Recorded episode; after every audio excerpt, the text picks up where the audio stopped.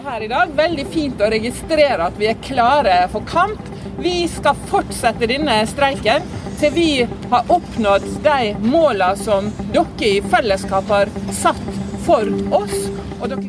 Utenfor regjeringskvartalet står bygningsarbeidere og roper om mer penger.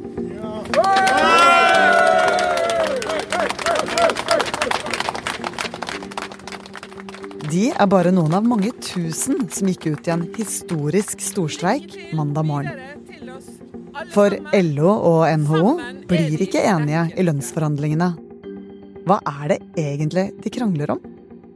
Du hører Kort forklart fra Aftenposten. Jeg heter Synne Søhol, og det er mandag ettermiddag 17. april. Nå! Nå vil vi ha Vi har lønnsøkning! Når vil vi ha det nå? Anne Sofie Bergwall, du er journalist i Aftenposten. Hvilke konsekvenser vil vi merke først?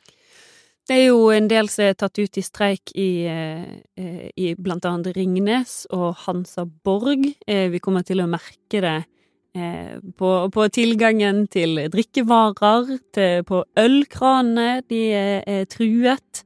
Eh, og snop og sjokolade eh, tror jeg folk kommer til å merke at det blir mindre av i, eh, i butikkhyllene. Eh, det er også en del ferge, eh, fergesamband som er tatt ut i streik, så de kommer til å stå. Eh, og folk må ta lange omkjøringer på Vestlandet, blant annet. men det er også en del bedrifter som blir rammet av streiken som ikke-forbrukerne kommer til å merke til, som er i blant annet olje, servicenæringen, IT-bedrifter eh, og en del andre den typen bedrifter som er mer sånn business to business. Hva er grunnen til at de streiker? I år så er det store spørsmålet lønn. Vi står i en økonomisk situasjon hvor vanlige folk sine lommebøker har blitt virkelig presset. Det er inflasjon, eh, det har vært pandemi, det er krig i Europa, og det merkes på økonomien. Eh, så LO har gått inn i forhandlingene og sagt at vi krever et reallønnsløft for våre medlemmer. Vi krever økt kjøpekraft. Eh, samtidig, på den andre siden, så har du NHO som sier det at eh, vi har bedrifter som sliter, så de har ikke villet møte LO på dette her. Og LO har ment det at det er så viktig å gi reallønnsløft, og samtidig løfte de som er lavest lønt, at de er villige til å gå ut i streik.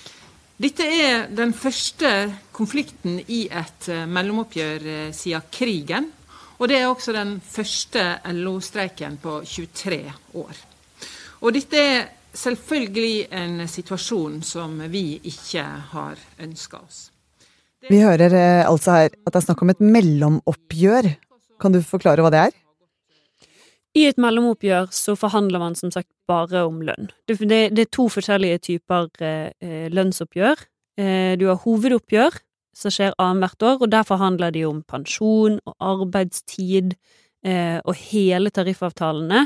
Det skjer mellom fagforbundene og arbeidsgiversidens eh, tilsvarende eh, organisasjon. Eh, mens i et mellomoppgjør så er det LO og NHO som møtes og forhandler lønn for alle deres medlemmer. Og så har det vært snakk om at LO fikk et tilbud om 5,2% lønnsvekst, som vil bety at lønnen vil stige mer enn man antar at prisene kommer til å gjøre. Hvorfor ble ikke det godtatt? Grunnen til at det ikke ble godtatt, er på grunn av det som er eh, den interne fordelingen av denne potten. 5,2 det er den, eller hele den potten som de mener at lønnen kommer til å øke med. Men det er ikke sånn at alle kommer til å få 5,2% i lønnsøkning.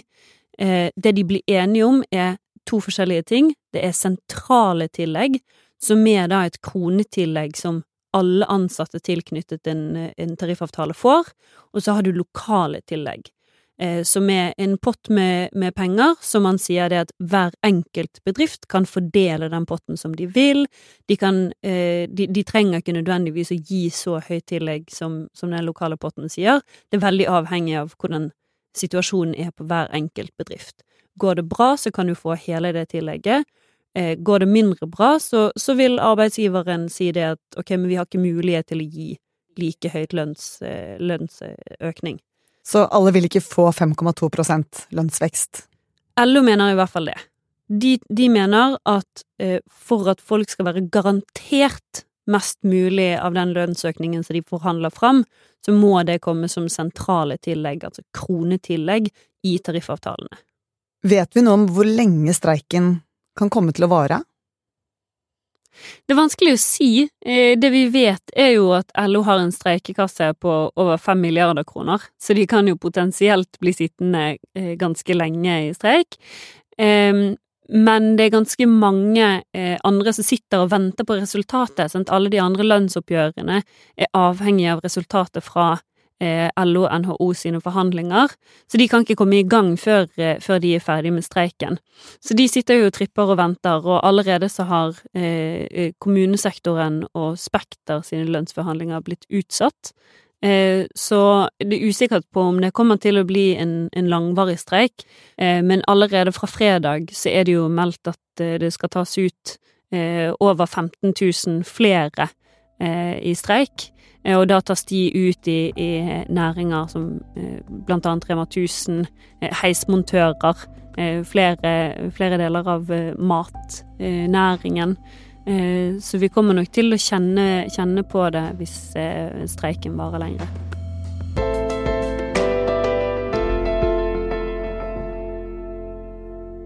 Du har hørt Kort forklart. Det var Anne Sofie Bergwall som forklarte deg bakgrunnen for streiken. Lyden du hørte, er hentet fra NTB. Denne episoden er laget av produsentene Olav Eggesvik, Anders Weberg og meg, Synne Søhol.